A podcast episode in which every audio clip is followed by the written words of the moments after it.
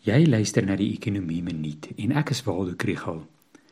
Vandag se minuut sluit die week af met 'n kort oorsig oor die week se ander ekonomiese aanwysers. Die brandstofprysverhoging het die nuus gehaal. Absa se aankope bestuurdersindeks vir November maand is bekend gemaak en die Buro vir Ekonomiese Onderzoek se kleinhandel vertrouensindeks is gepubliseer. Die binnelandse prys van 95 oktaan petrol staan op 'n rekord R20.35 per liter in Desember.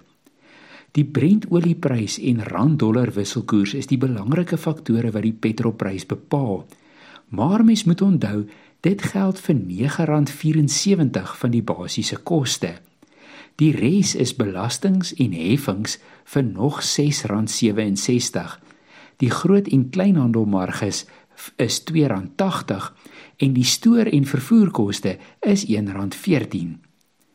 Absa se aankope bestuurdersindeks het toegeneem in November.